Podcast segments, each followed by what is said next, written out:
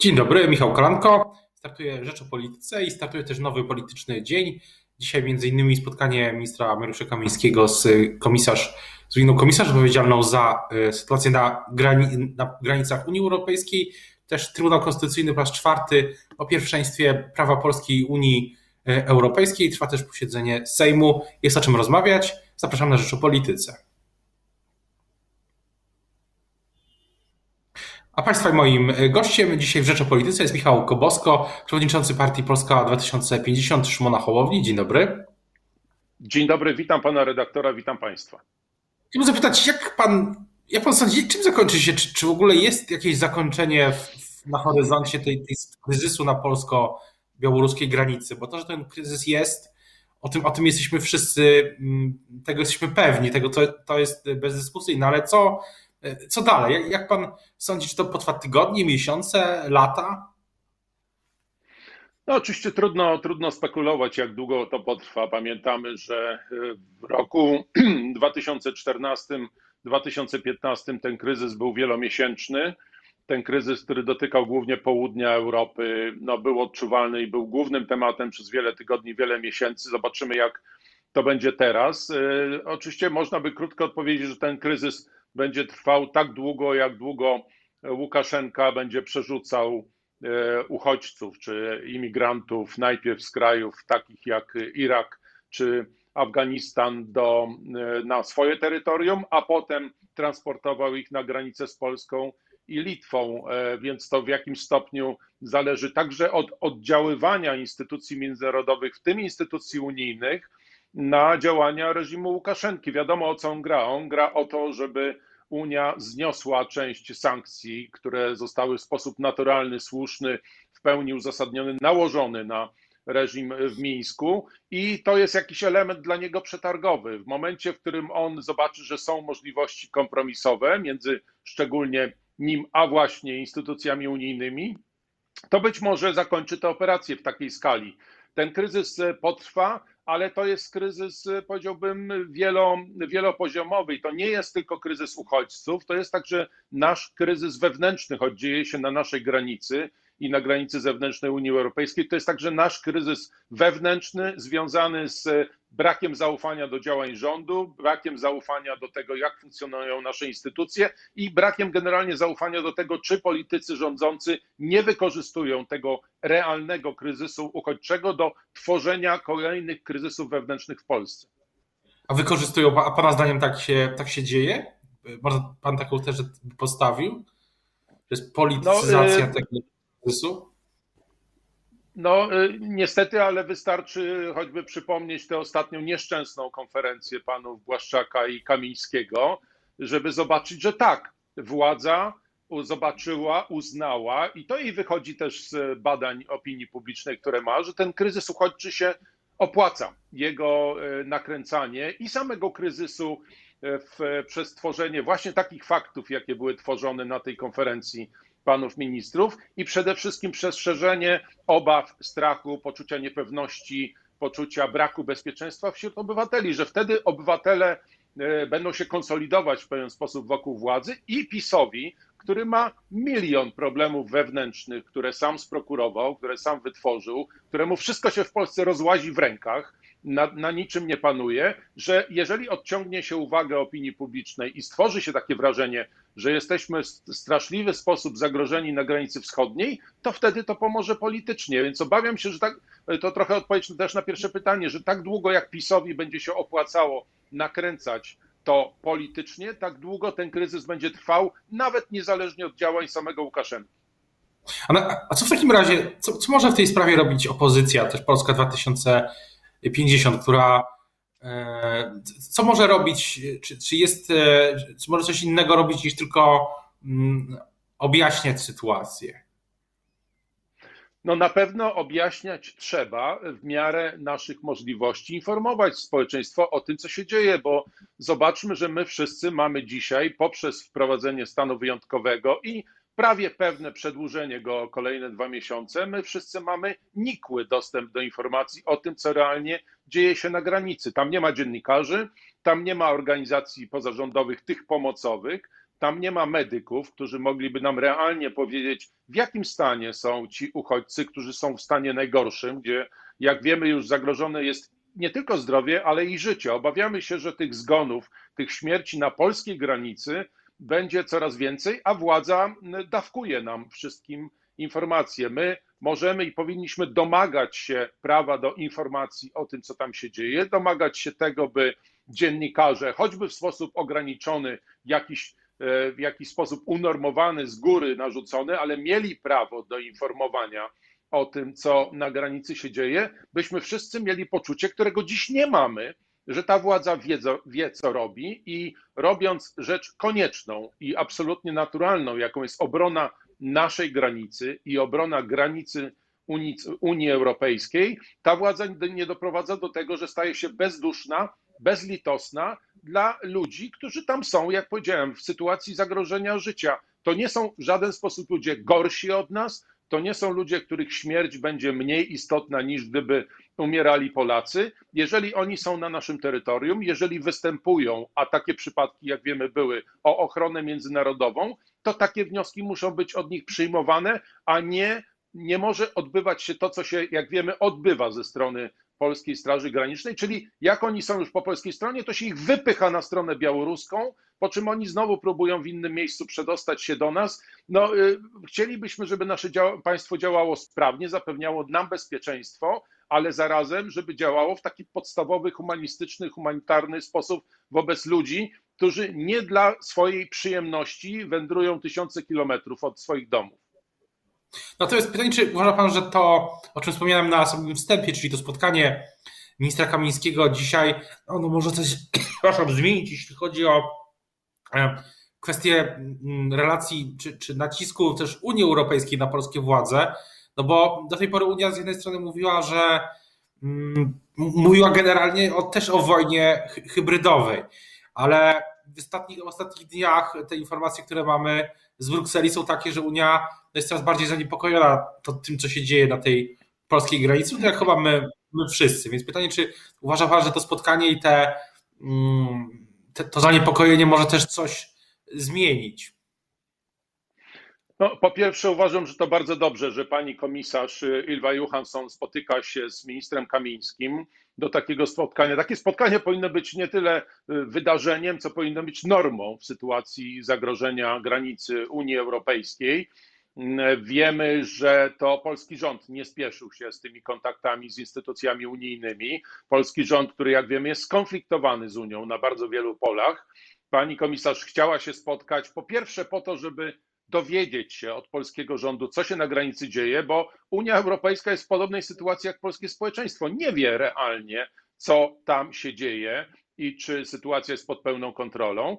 Po drugie, pani komisarz na pewno zaoferuje ponownie pomoc i zaangażowanie unijnej Agencji Granicznej Frontex, która powinna, i to jest także zdanie Polski 2050, powinna już od dawna, od początku tego konfliktu być zaangażowana. To jest agencja unijna, która właśnie zajmuje się ochroną granic zewnętrznych, która w dodatku siedzibę ma w Warszawie, jest obecna w Polsce, pracuje w niej wielu Polaków i to jest naturalne, że ta instytucja unijna powinna być zaangażowana, tak jak zaangażowali ją choćby Litwini właśnie w trakcie obecnego kryzysu. Polski rząd pod hasłem poradzimy sobie sami unika jak może współpracy z instytucjami unijnymi. Dzisiaj, jak sądzę, to będzie jeden z ważniejszych tematów dzisiejszego spotkania. Powtórzę, dobrze, że do niego dochodzi, bo to jest sprawa poważna, sprawa, której nie można obrócić w kpinę, tak jak obracali to panowie Kamiński czy Błaszczak na ostatniej konferencji prasowej, tylko trzeba się nią poważnie zająć i dlatego tutaj nasza współpraca z instytucjami unijnymi jest kluczowa i nie można się zastanawiać, czy w ogóle taka współpraca ma mieć miejsce, tylko jak ją zorganizować. Pan, pan niedawno był w Brukseli, z tego co pamiętam, i pytanie, czy jaki tam jest teraz klimat wokół, wokół, wokół Polski? Przykład uważa pan, że y, Krajowy Plan Odbudowy zostanie w ogóle zaakceptowany w tym roku, czy w ogóle dla Polski? Jako obywatel Rzeczpospolitej bardzo bym chciał, żeby ten krajowy plan odbudowy był zaakceptowany, żeby zdarzyło, stało się to jak najszybciej. Nie ma powodu, dla którego mamy być e, traktowani inaczej niż obywatele innych krajów członkowskich Unii. My po prostu jako społeczeństwo, jako kraj potrzebujemy tych pieniędzy. Potrzebujemy ich nie dla obecnego polskiego rządu, ale dla, na kolejne lata, na lata odbudowy, transformacji polskiej gospodarki. Te pieniądze po prostu są nam niezwykle potrzebne. To, że ich jeszcze nie ma, to, że cały proces jest opóźniony, jest wyłączną winą rządu pisowskiego. Nie ma tutaj żadnej winy po stronie e, czy komisarzy unijnych, Komisji Europejskiej, czy innych instytucji unijnych, że polski rząd postanowił nie szanować umów, nie szanować traktatów, uznawać, że nas to, co obowiązuje wszystkie kraje członkowskie Unii Europejskiej, nas akurat nie obowiązuje. Pan redaktor pyta, czy KPO zostanie odblokowany. No, proszę zapytać pani prezes Przyłębskiej Trybunału Konstytucyjnego, co oni dzisiaj zrobią. Po pierwsze, czy odważą się podjąć decyzję, bo to chyba czwarta rozprawa z, z wniosku pana premiera Morawieckiego i tym samym bardzo ważna rozprawa dotycząca wyższości polskiego prawodawstwa nad unijnym. Czy oni podejmą taką decyzję i jaką decyzję dzisiaj podejmą? Od tego bardzo wiele będzie zależało. Jeżeli to będzie twarda decyzja, polskie prawodawstwo jest to i powyżej unijnego, to jest, y, to jest twarde powiedzenie nie Brukseli i to jest taki rodzaj no, pierwszego, już nie pierwszego, ale kolejnego kroku w stronę polexitu. Tak to trzeba sobie jasno powiedzieć. Obawiałbym się, że jeżeli to będzie twarda decyzja Trybunału w dniu dzisiejszym, nie zostawiająca pola do manewru, to wtedy KPO nam odjedzie na długie miesiące. O właśnie, skoro już o polexicie, y, o widmie polexitu mowa, to y, jakie jest y, stanowisko Polski 2050? Czy gdyby pan był w Sejmie i gdyby ta propozycja była głosowana, to czy poparłby pan ten pomysł Platformy, żeby wpisać to wychodzenie z umów międzynarodowych większością dwóch trzecich do, do konstytucji? Gdyby pan był teraz w Sejmie, jakby pan. I, I gdyby ta propozycja była głosowana, bo to jeszcze jest e, moim zdaniem e, bardzo mało prawdopodobne, ale jednak co, co by pan zrobił?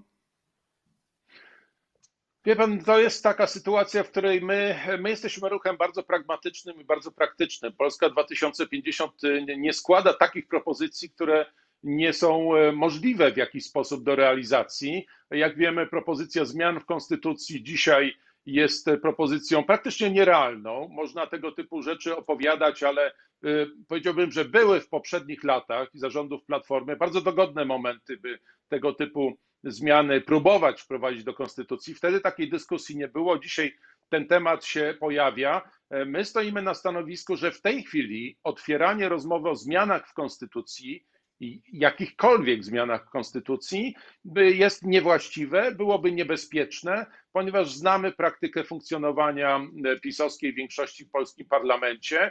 Oni, jeżeli by się zgodzili na ten postulat, który zgłasza Donald Tusk, to jednocześnie zaproponowaliby 10 innych zmian w konstytucji, które de facto miałyby zabetonować władzę w Polsce, ograniczyć możliwości kontrolne, ograniczyć dalej trójpodział władzy, od którego PiS odchodzi, czyli podstawy funkcjonowania naszego systemu demokratycznego. Więc dyskusja o zmianach polskiej konstytucji tak, ale nie teraz, nie w tej kadencji Sejmu. To jest poważna dyskusja, nad którą stoimy. My mamy wiele uwag do kształtu konstytucji, wiele propozycji, w jaką stronę powinno się polską konstytucję zmieniać, ale nie można tego robić w pięć minut i nie można zakładać, że PiS zagra fair, skoro od sześciu lat konsekwentnie dzień po dniu nie gra fair i łamie zapisy konstytucji, zmieniając ustrój w Polsce bez zmian faktycznego tekstu konstytucji. Na koniec chciałbym się zapytać o plany Polski 2050. 4 września, czyli blisko miesiąc temu Kongres y, Polski 2050. Pytanie, co, co dalej? Co na październik, listopad, y, grudzień? Bo jeśli chodzi o te wydarzenia po stronie opozycji, to ja widzę w kalendarzu 9 października Kongres Lewicy i 4 grudnia Kongres y, wyborczy PSL, PSL. Co, co, co jeszcze szykuje na, na koniec, na tym na ostatnim miesiącu roku Polska 2050? No, my mamy za sobą, tak jak pan redaktor wspomniał, pierwszy kongres naszego ruchu. Kongres bardzo udany. Mieliśmy ponad tysiąc osób z całej Polski, które przyjechały no, w pewien sposób ocenić pierwszy okres istnienia, ponadroczny okres istnienia naszego ruchu i rzeczywiście zaplanowaliśmy działania na kolejne miesiące. Bardzo wiele rzeczy w tej chwili się dzieje. Niektóre umykają, powiedziałbym, e, spod wzroku kamer i nie są widoczne w mediach centralnych, natomiast my w tej chwili budujemy naszą organizację w regionach. Dołączają do nas kolejne osoby, w tym wielu samorządowców, którzy chcą działać w naszym ruchu. Przygotowujemy się, bo omówiliśmy to i to mówimy nadal. Powinny być wszystkie partie przygotowane na wybory przedterminowe. Uważamy obecną większość sejmową PiSu za iluzoryczną i większość, która jak widzimy jest okupowana no, tym, że trzeba kupować poszczególnych posłów, czy e, w tej chwili PiS sam wyła, wyłamuje zęby z założeniom polskiego ładu. Jeszcze nie ma tego polskiego ładu, tak zwanego, a PiS już odchodzi od własnych założeń, bo widzi, że nie ma szansy tego przeforsować, więc wybory przedterminowe są realną opcją na stole. Jarosław Kaczyński może się na nie zdecydować, bo widzi swoje wysokie słupki poparcia i chciałby umocnić swoją władzę przy okazji wyrzucając z rządu Zbigniewa Ziobrę, który jest dla niego zagrożeniem.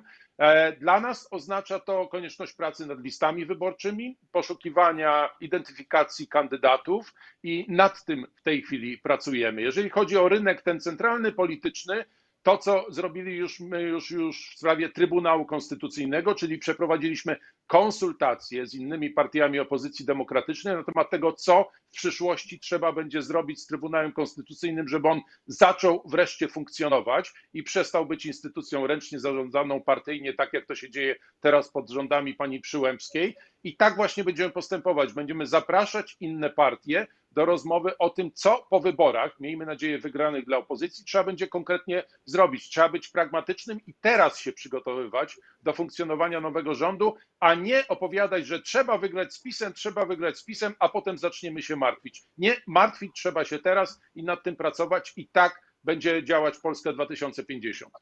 A jak po tych kilku miesiącach widzi Pan wpływ Donalda Tuska na polską politykę? Bo taka główna teza, która y, funkcjonuje teraz, jest taka, że powrót Donalda Tuska był dobry dla Platformy, ale niekoniecznie dobry, jedna z tez przynajmniej, y, że powrót Donalda Tuska był bardzo dobry dla Platformy, ale niekoniecznie dobry dla całej opozycji. Tak, tak mówią niektórzy publicyści.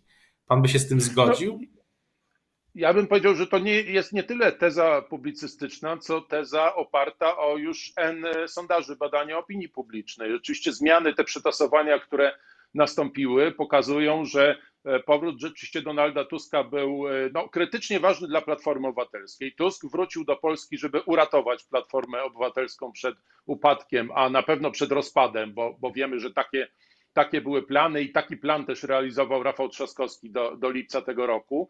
To się wydarzyło, Tusk wrócił, wzmocnił notowania Platformy, w jakimś stopniu kosztem naszych notowań Polski 2050, tyle że Platforma osiągnęła szklany sufit, osiągnęła ten poziom najwyższy swoich notowań. Sama Platforma Obywatelska na pewno szansy na zwycięstwo z PiSem nie ma. Ten obóz będzie musiał być zdecydowanie szerszy. Donald Tusk ma dzisiaj, widzimy, ogromne porządki do zrobienia w swoim własnym gospodarstwie i na tym jest skoncentrowany, bo widzimy, że premier Tusk zastał rodzaj stajni Augiasza w Platformie Obywatelskiej i próbuje opanować tę sytuację, która tam jest. Natomiast, tak jak powiedziałem, w przyszłości będzie tak, że e, no, sama Platforma jak przyjdzie do wyborów, e, nie ma takiej siły i ma tak znaczący elektorat negatywny e, w tej chwili w Polsce, że na pewno nie byłoby możliwe, żeby Platforma te wybory indywidualnie wygrała. A czy w takim razie kiedy będzie moment, bo to jest z tego, co Pan mówi, to jest jasne, że w strategii Polski 2050 nie, nie, nie jest teraz rozmowa o tych blokach, listach, konfiguracjach, listach w sensie wspólnych blokach, konfiguracjach opozycji, czy z Platformą, czy z kimś innym. Ale kiedy ten moment e, nastąpi, skoro, tak jak sam Pan mówi, PiS e, może e, zechcieć w przyszłości, po tym, kiedy skończy się ten bufor wynikający z zapisów o stanie nadzwyczajnym, spróbować wyborów. Kiedy, kiedy będzie ten moment na rozmowy o, o innych o scenariuszach wyborczych, tak bym to ujął? Słusznie pan redaktor zwrócił uwagę, że PiS wprowadził stan wyjątkowy także po to, żeby odsunąć wybory, żeby niejako zabezpieczyć swoją władzę i to, że wybory przedterminowe do wiosny przyszłego roku zdarzyć się nie mogą, ale zdarzyć się mogą. My wtedy, kiedy będzie wiadomo, kiedy będą wybory, będziemy mogli rozmawiać z innymi ugrupowaniami politycznymi już bardziej konkretnie wtedy, kiedy będziemy wiedzieli, kiedy będą wybory i kiedy będziemy też wiedzieli, jakie to będą wybory, jaka ordynacja będzie w nich obowiązywała, bo to dodatkowy element, który musimy mieć w pamięci, że PiS z pomocą Kukiza może kombinować nad ordynacją wyborczą, może próbować ograniczyć e, szanse wejścia mniejszych ugrupowań do Sejmu pod hasłem zwiększania demokratyzacji czy demokratyzacji e, w Polsce. Tego typu e, gry, manewry ordynacją czy granicami okręgów wyborczych są niestety tym, czego musimy także się spodziewać, czyli zmiana reguł w trakcie gry. To jest typowy sposób funkcjonowania PiSu. Z ich strony, jeżeli chodzi o zasady działania systemu demokratycznego, spodziewamy się wszystkiego, co najgorsze. O tym, co dzieje się w Sejmie, uważnie informujemy także i na RPPL, i w Rzeczpospolitej. Teraz bardzo dziękuję za rozmowę Państwa i moim gościem. Dzisiaj był Michał Kobosko, przewodniczący partii Polska 2050 Szymona Hołowni. Dziękuję bardzo. Do usłyszenia. Dziękuję bardzo. Miłego dnia.